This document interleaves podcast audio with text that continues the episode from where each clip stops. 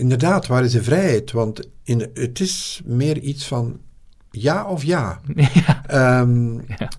De filosoof eh, Hegel, Hm. die omschrijft eh, vrijheid als eh, een, een noodzaak die je erkent. En dat is niet dus in, in de orde van, kijk, je kan dit doen of je kan dat doen en nu kan je kiezen. Ik heb dat zeker niet zo ervaren. Het is, het is iets wat zich opdringt aan jou, wat je niet noodzakelijk wilt, omdat het ja, vreemd is, onbekend, maar wat je wel kan eh, aanvaarden, stap voor stap. En als je dan een stap zet, begin je dan dingen, ja, dan komen er andere dingen. En dat is eigenlijk een heel, een heel traject waarin dingen zich verdiepen.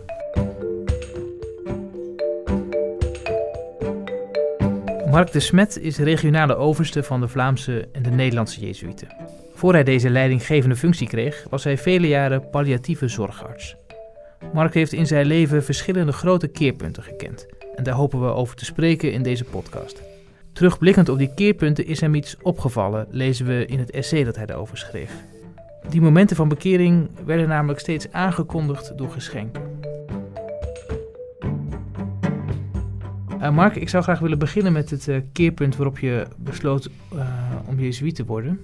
Omdat dat ja, in zekere zin, in zekere zin gelijkenis vertoont met die van Ignatius. Namelijk jullie allebei jonge mannen waren van 26. Ja, hoe, hoe ben je tot die keuze gekomen?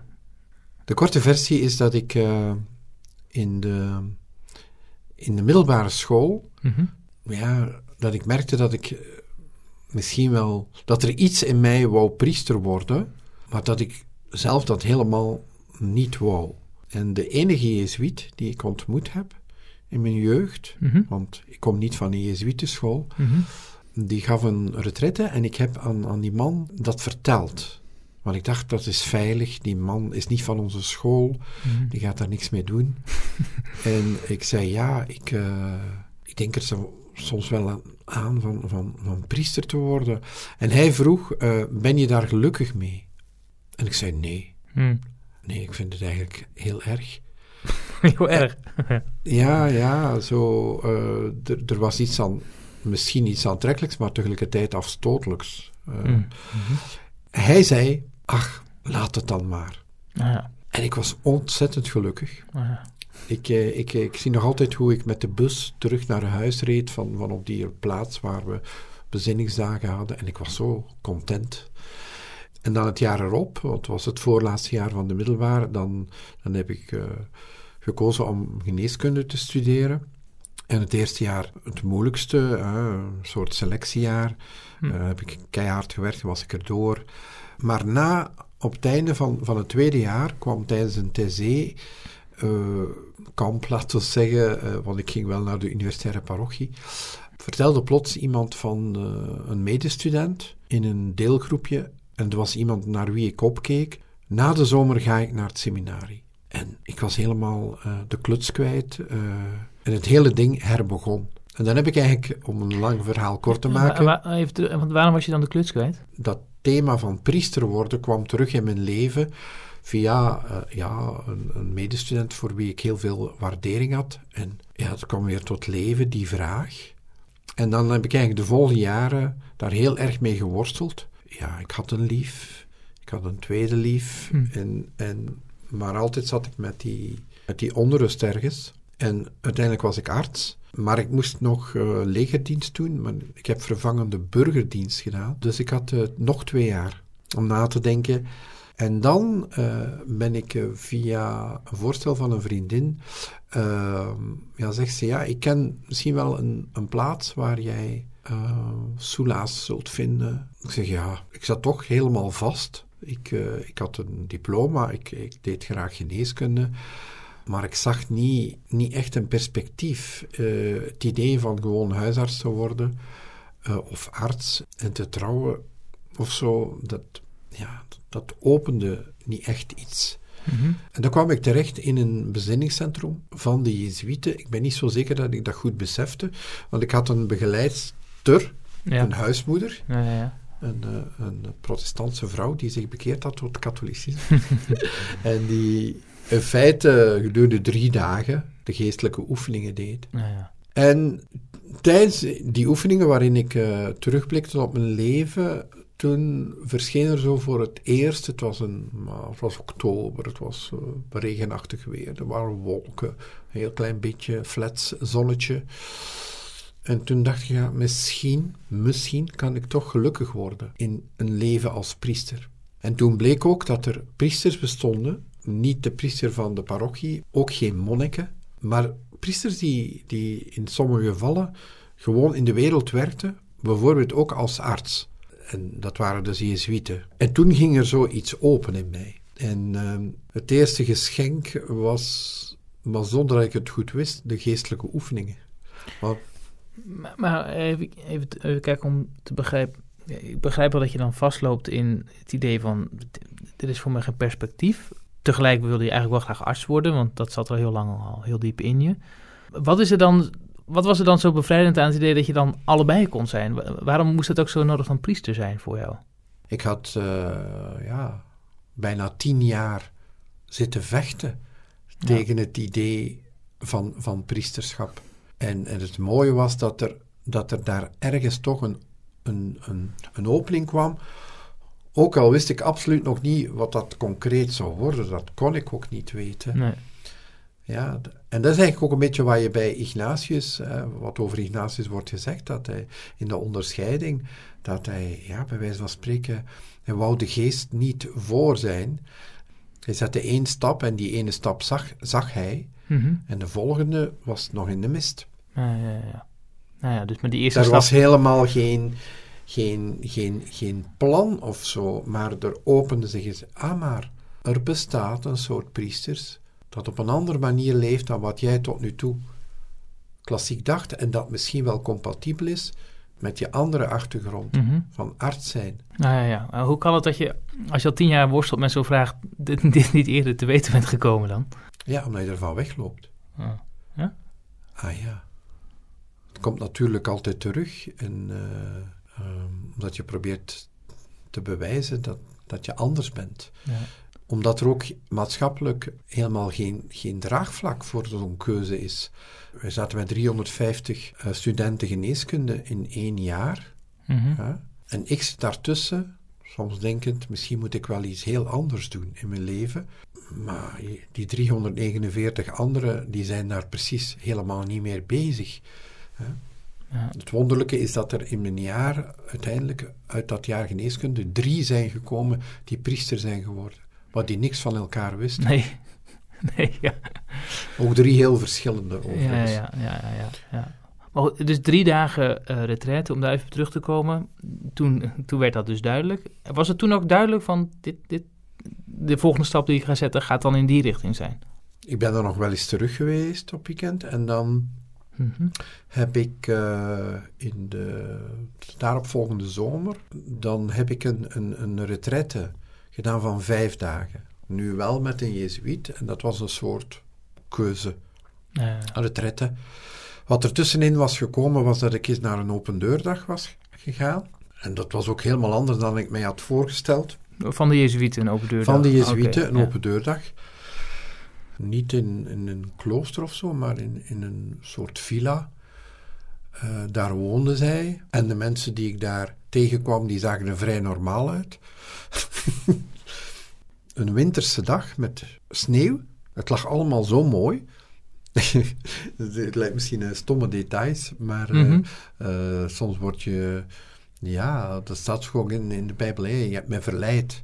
En dan later denk je zo, verdorie, waarom heb je me verleid?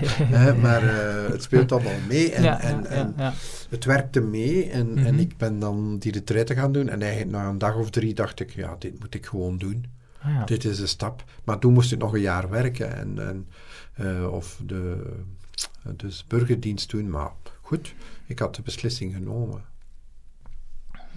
Het woord bekering, als jij zo'n woord hoort, hoe, wat, hoe associeer jij dat? Of welke associaties komen dan uh, eigenlijk bij jou op? Is dat iets waar je denkt van, god, prettig of, uh, of juist niet? Of? De eerste associatie is het, uh, ja, zo, het is iets moeilijks. Je moet, je moet een moeilijke stap zetten in je mhm.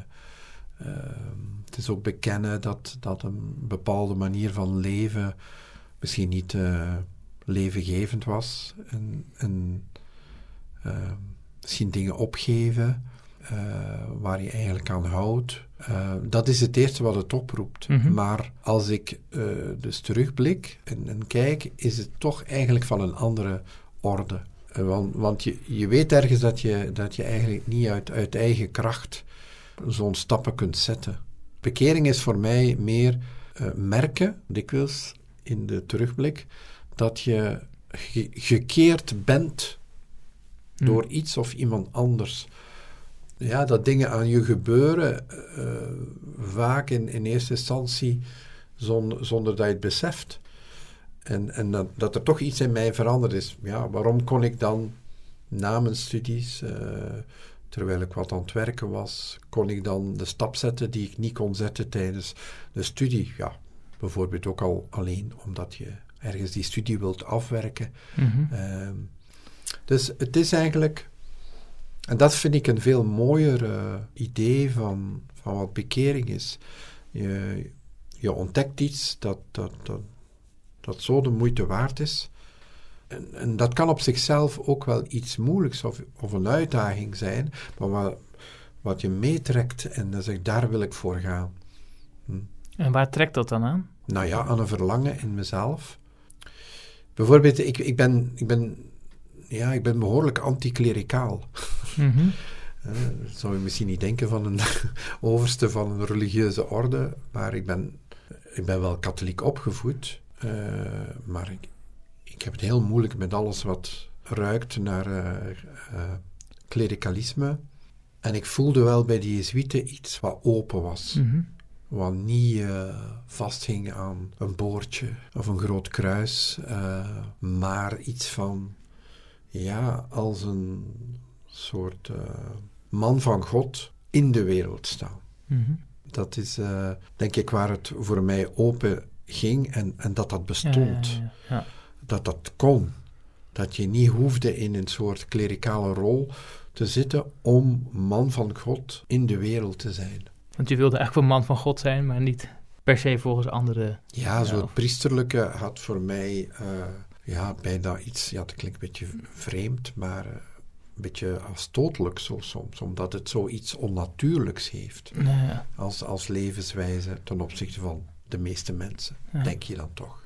Maar dus die bekering, die, uh, dus je wordt, er wordt, wordt eigenlijk, ja, bekering is veel minder eigenlijk een keus, zeg je, dan dat het iets is wat, wat gewoon zich in je voltrekt, en wat aan je gebeurt, wat aan je trekt. Maar je moet er wel op ingaan dan natuurlijk, op dat, voilà. op dat Het is iets wat meer wat aan jou gebeurt, dan dat je het zelf kiest. Ja. Hè? En, en, dan, ja, en dan kan je misschien wel een stap zetten die, waarvan je wel ergens bewust van was dat, dat je die ooit zou moeten zetten, maar, dat, maar wat je niet kon. Ja. Hè? Maar het gebeurt toch, ja, het gebeurt soms, het initiatief ligt niet bij jezelf. Hè. Ik heb vanaf het begin ook heel, heel erg aangevoeld van uh, dat je dat jezuïet worden, dat is echt niet iets van wat, wat ik mij inbeeld. Dat is iets wat in mij leeft en dat toch van elders komt. Ja, ja, ja in, in uh, een van die teksten die je had geschreven, er staat ook zo'n zinnetje: uh, diepe verlangens zijn niet vanzelf sprekend, maar van God sprekend. Is dat, is dat dan ook zo'n diep verlangen dat je merkt van nou, dat Jezuïet worden, dat is eigenlijk iets. Ja, wat... ik denk dat in elk geval niet vanzelfsprekend. Hè. Ook in de zin van het is niet evident, zeker niet in, in de maatschappij waarin ik toen ook al opgroeide, nu nog veel minder, hè, maar waar in de jaren zeventig, laten we zeggen, mm. uh, uh, toch sterk seculariserend Vlaanderen. Uh, kerk helemaal niet meer evident, heel veel uittredens. Uh, wat ik deed was, ja, leek me heel uitzonderlijk. Dat mm -hmm. was het ook. Mm -hmm. Dat is het ook. Dus in die zin niet vanzelfsprekend. En, en dus ja. En zelfs niet vanzelfsprekend voor mezelf. Ja, ja, ja. Waar spreekt het dan van? Van, van, van, van, van iets, van, van iemand anders waarvan ik eigenlijk weet dat het of hij sterker is dan ik. Je bent eigenlijk al verloren. ja, ik snap het wel. Maar het kan wel heel makkelijk de verkeerde kant erop gaan van ja, er is ook geen ontkomen aan. Dat je, dat, waar, zit, waar zit dan de vrijheid? Dat Mark moet kiezen ja. daarvoor. Inderdaad, waar is de vrijheid? Want in, het is meer iets van ja of ja. ja. Ehm, Ja. eh, de filosoof eh, Hegel, Hm. die omschrijft eh, vrijheid als eh een anerkannte Notwendigkeit. Een, een, een, een, een noodzaak die je erkent. Ah. En dat is niet dus in, in de orde van, eh, kijk, je kan dit doen of je kan dat doen en nu kan je kiezen. Ja, ik heb dat zeker niet zo ervaren. Het is, het is iets wat zich opdringt aan jou, wat je niet noodzakelijk wilt, omdat het ja, vreemd is, onbekend, maar wat je wel kan ehm, aanvaarden, stap voor stap. En, dat en als je dan een stap zet, begin je dan dingen, ja, dan komen er andere dingen. En dat is eigenlijk een heel, een heel traject waarin, eh, waarin dingen zich verdiepen. Hè? En bijvoorbeeld het bidden. Hm. Ik heb in, in de jaren tachtig leren bidden. En, eh, en ik heb heel veel retretes gedaan. En ik heb lange retretes gedaan, 30 dagen. En toch is het zo dat de, de, de rol van het gebed in mijn leven eigenlijk nog maar ja, een goede vier jaar zich enorm heeft geïntensifieerd. Dat echt het verlangen is ontstaan om elke dag te bidden. Mhm. Dus dat, eh, dat ik niet naar de Eucharistie ga elke dag, dat, dat vind ik niet. Dat mis ik niet altijd, alhoewel ik dat wel probeer. Maar als ik niet zou gebeden hebben, dan zou ik het moeilijk vinden. Of dan zou ik iets missen. Mhm. En dat had ik vroeger absoluut niet. En dat is bijvoorbeeld een, een van, de, van de geschenken. Maar zie je, dat is dertig jaar later. Je zou kunnen denken, zo'n religieus, ja, die moet toch graag bidden. Ja, ja, ja. En ja en nee, ik heb iets ontdekt. Ik, ik denk niet dat ik... Ik had niet echt een gebedsleven voor ik jezuïet werd. En toen kreeg ik echt de methode, bidden met de Bijbel, bidden met je leven. Mhm. Dat is onze... En die twee, de interactie. Hè. En ik vind dat nog altijd, dat dat zo is. Hè. S morgens probeer ik te bidden met de lezing van de dag en s'avonds of vaker zelfs, eh, of terwijl ik rijd met de auto, blik ik terug eh, wat er met mij gebeurt. Maar het is veel levensnoodzakelijker geworden dan toen ik eraan begon. ja, ja, ja, ja. Maar toen moest ik het wel leren. Ja, ja, Hè? ja. En, en, en ja, hoe komt dat dan? Ah ja, dat, dat, dat komt eigenlijk door, door de vriendschap. Hè? Dus, eh, de vriendschap met, met een vrouw en die zegt mij op een dag, ja, bid jij daarmee? Mm. met die keuze.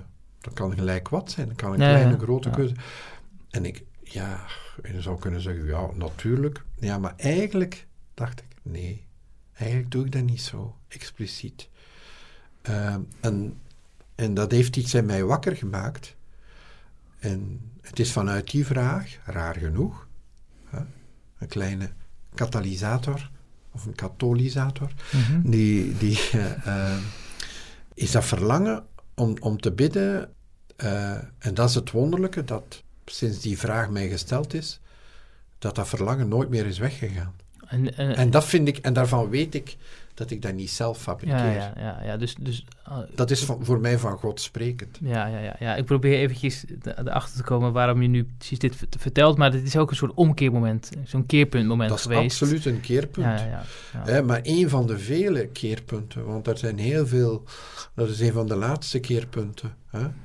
En, en, en, en trouwens, binnen dat bidden heb ik de, de ervaring op een bepaald moment dat ik op iets werd voorbereid. Mhm. Voilà. En dan een tijd later werd ik eh, gekozen tot regionaal en dat gaat zonder kandidaturen. Dat is niet zoals bij een selectie. Nee, nee, nee. Eh, waarbij een aantal kandidaten en we gaan daar nu tussen kiezen. Nee, in principe kan, ja, kan dat iedereen zijn, maar komt er uit een heel proces dat maanden duurt, kom, ja, komen een aantal mensen naar voren en dan wordt daar nader naar gekeken. En uiteindelijk zegt men, ja Mark, wij zouden willen dat jij dat doet. Mhm. Maar die, je had het gevoel dat, dat je daarvoor werd bereid. En, en wat doe je daar dan mee met zo'n zo'n gevoel? Want het, is- In de eerste plaats ontvangen hm. en niet weten wat het eigenlijk betekent. En dan, als dan blijkt dat, je, dat de anderen je kiezen en dat dat ook bevestigd wordt door de generaal, hè, want uiteindelijk Mhm. moet de algemene overste daar eh, zijn zeg over doen, of zijn zegen over geven. ehm. ja, uiteindelijk merk je dan, ah ja, werd dus dat was het dus Ja, waar ja. ik werd op voorbereid. Maar dat zijn allemaal dingen die je ontvangt. En een van de merkwaardigste dingen is, dus ik ben dan, ja, klein anderhalf jaar geleden ben ik dan gestopt Als arts. Als arts en die geneeskunde die, Die zo die zo sterk mijn identiteit uitmaakte Mhm. en die ik zo belangrijk vond voor om te zijn wie ik ben, de Smet, arts. Hè? Ik heb die geneeskunde geen dag gemist. Aha. En dat vond ik heel vreemd. Ehm, ja.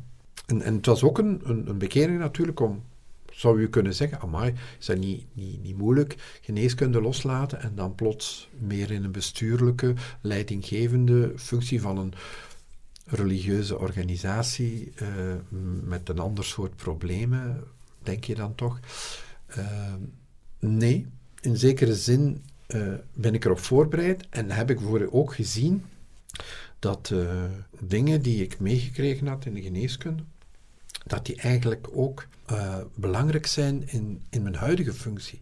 Kun je daar iets over zeggen? Wat dan? Ja, om te beginnen, eh, het belang van, van intense persoonlijke gesprekken. Hm.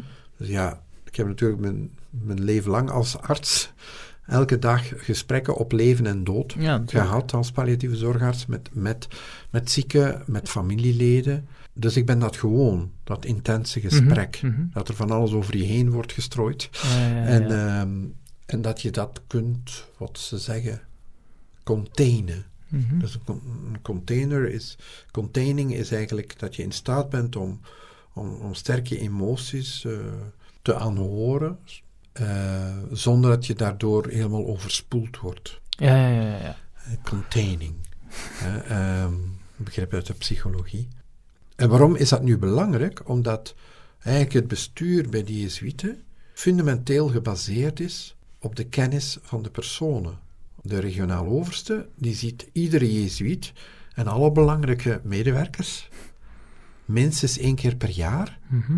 in een persoonlijk gesprek, dat, dat ook eh, ons geheim is, hè, Mhm. gelijk een biechtgeheim, en waarin de, de, de andere, die jezuïet of een medewerker, in de mate van het mogelijke uitgenodigd wordt om, om zich zo open mogelijk te laten kennen. Niet om mijn nieuwsgierigheid te voldoen, Mhm.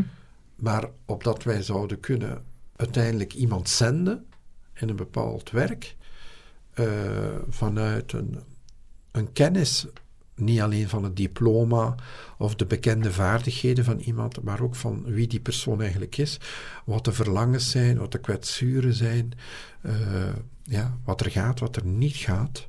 Hè, en dat vind ik heel mooi in, in, in die manier van besturen. Dus uiteindelijk is de, de, de basis eh, iets in de orde van de cura personalis, de zorg voor de persoon. Er is natuurlijk meer, maar dat is, een, dat is, dat is de fundamentele bouwsteen. Dus dat heb ik meegekregen. Ik heb dat nooit zo gepland, Nee, nee, nee. maar die dingen Ja. zijn wel zo ontstaan. Het, het, het, het tweede dat, dat ik heb meegekregen, wat eh, ja, fundamenteel is, is, is werken in een team. Ah, Dat is zeker een van de, van, de, van de mooie geschenken die ik in de palliatieve zorg heb gekregen. Ik heb dat in de eerste plaats vanuit de palliatieve zorg gekregen. Het, het, het werken in een team. Met andere artsen, met de verpleegkundigen. Met de artsen, met, met, vooral met, met het verpleegkundig Mhm. team, ehm, met de pastor, met de psychologen. dus ehm, ik zei altijd tegen, tegen de teamleden, want ik hou niet van het team of de familie, dat bestaat niet. Je hebt verschillende leden die altijd weer elke dag een beetje anders zijn samengesteld. Mhm. Ik zei altijd, kijk, eh, jullie hebben een soort stuk kennis wat ik niet heb. Als ik bij de zieken kom, dan zijn ze op hun best. Ja, Dan zijn ze mooi Ja. verzorgd. zijn ze Dan doen ze hun uiterste best eh, om, om goed voor te komen. Dan hebben ze plots veel minder pijn. Ja, een beetje. Maar, maar, eh, Ze hebben nou van niet net op het rode knopje gedrukt omdat ze iemand nodig hadden. Voilà. En terwijl eh, voor de verpleegkundigen, die zien meestal de zieken op hun slechts. Ja, ja, ja. ja. Eh, terwijl, terwijl ze het echt heel moeilijk hebben. Ik zeg, jullie zijn mijn ogen en oren en dat wil ik horen. En jullie zijn niet gewoon de uitvoerders van, van mijn orders. Ik verwacht van jullie dat je meedenkt, dat je vragen stelt, dat je zegt, we begrijpen niet waarom je, je dat doet, dat je suggesties doet. En we deden dat eigenlijk van de eerste dag. Als er stagiairs waren, dan vroegen we altijd aan, hoe heet je? Hè? Uh, aan Teresa. En oké, Teresa. En, en, en, van de eerste dag werd er ook wel eens gevraagd van, wat denk jij daarvan? Van, van, van dit probleem. Hè? Niemand wil dood. En uh, hoe, hoe, beluister jij dat? Hè? Ja. En die, ja, die schrokken heel erg dat ze werden aangesproken, dat het niet stagiairke was, zoals ze dan zeggen in Vlaanderen, ah, ja. uh, maar dat het Teresa was. En dat dat iemand was met, met eigen ideeën.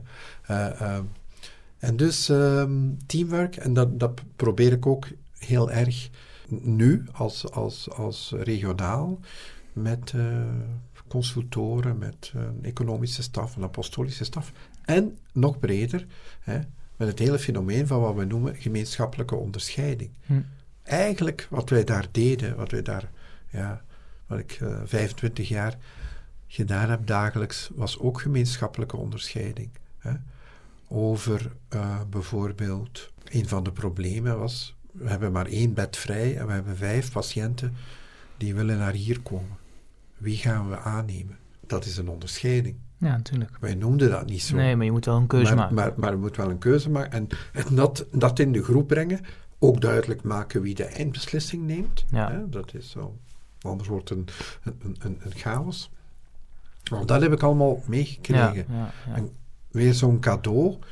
En ik heb het dikwijls gezegd, ja, werken met dit team, dat is een van de mooiste cadeaus. Uh, met de jaren ben ik dat meer en meer gaan beseffen, die ik meegekregen heb. Ja. ja. Ik, ik, wil nog één vraag stellen voordat we naar het einde gaat, en gaan. En dat, ja, dat gaat eigenlijk inderdaad over de rol die je dan nu speelt, als, of speelt, ja, die je nu hebt als uh, regionale overste. Uh, welke rol zie jij in de huidige kerk en ook wel in de huidige samenleving voor de, ja, voor de, voor de, voor de Jezuïetenregio waar jij nu eindverantwoordelijke voor bent? Ja, de rol. Kijk, in zekere zin is de vraag niet gewoon van, ja, Mark, wat ziet jij nu als rol? Mm -hmm. um, ik denk dat wij, dat een van de belangrijke fenomenen is dat we die vraag nu anders stellen. Dat is ook een bekering. Als aan mij vragen, nu, in deze regio, Vlaanderen en Nederland, wat denken de Jezuïeten daarvan? Wat willen de Jezuïeten? Dan zeg ik, dat weet ik niet. En ik stel de vraag niet meer op die manier. Mm -hmm. Um, ik zal bijvoorbeeld wel zeggen, het is meer geworden van wat zou de Ignatiaanse familie willen? Of het Ignatiaans netwerk, of Ignan, zoals wij dat afkorten. Dat wil zeggen dat het voor mij fundamenteel niet meer gaat alleen over die groep religieuzen, dat religieuze lichaam, dat die Jezuïeten zijn en wat blijft voortbestaan. Mhm. um, maar dat het uh, fundamenteel gaat over wat wij noemen, een, met een moeilijke uitdrukking, apostolisch lichaam. Het gaat over, over uh, Jezuïeten en alle mensen en werken die daarmee verbonden zijn. Mm -hmm. Hè? Want er zijn veel meer mensen dan dat er Jezuïeten zijn, die in die Ignatiaanse familie zijn en, en proberen de wereld beter te maken. En wij hebben daar natuurlijk prioriteiten in. We gaan zeggen, ah ja, de geestelijke oefeningen, mensen tot God brengen is heel belangrijk. We gaan zeggen, het is heel belangrijk dat we niet alleen meer mensen opleiden of zelf mensen zijn uh, om voor de armen te werken, maar ook om met de armen te werken. Vandaar dat het bijvoorbeeld heel belangrijk is dat wij een school gaan beginnen. Mm -hmm. Dat is natuurlijk niet evident. We gaan een school beginnen in Brussel, in de hete buurt, in uh, Molenbeek. Een school waar, ja, als je kijkt naar de omgeving, vooral armere mensen zullen naartoe komen. Uh, misschien vooral moslims. Mm -hmm. Hè? En dat de school niet alleen meer de klassieke richtingen, de, de, de, klassiek, de, de moderne, de Latijn-Grieks, de, het gymnasium, we zeggen. Maar ook dat we ook een beroepsafdeling uh, zullen hebben en een technische. En dat die allemaal samen op dezelfde site zitten. Dus ja, dat is er. Wij vinden jongeren heel belangrijk. Uh, we willen gaan voor jongeren. Vandaar ook die school. Uh, vandaar tochten die georganiseerd worden. En we vinden de ecologie, de, het hele klimaatprobleem en uh, verhouding natuur-mens, dat is ook een prioriteit. Maar hoe gaan wij dat concreet doen? Dat is een vraag die op bepaalde punten wel uiteindelijk door een regionaal beslist wordt, maar wel na een proces dat passeert niet alleen langs Jezuïeten, maar ook alle mensen die eigenlijk verbonden zijn met onze spiritualiteit, uh, de, de werken. En, en dat is, en uiteindelijk sluit dat aan bij iets wat, wat de paus, die niet toevallig dit doet omdat hij ook Jezuïet is, hè, Mhm. eh, namelijk eh, de, de synodale beweging. Dus de paus die, die vraagt denk ik over heel de wereld dat men samen zal proberen te onderscheiden over wat hebben wij hier te doen. Mhm. En dus als je vraagt wat is onze rol, dan denk ik ja, nou, dat gaat blijken uit wat wij samen onderscheiden.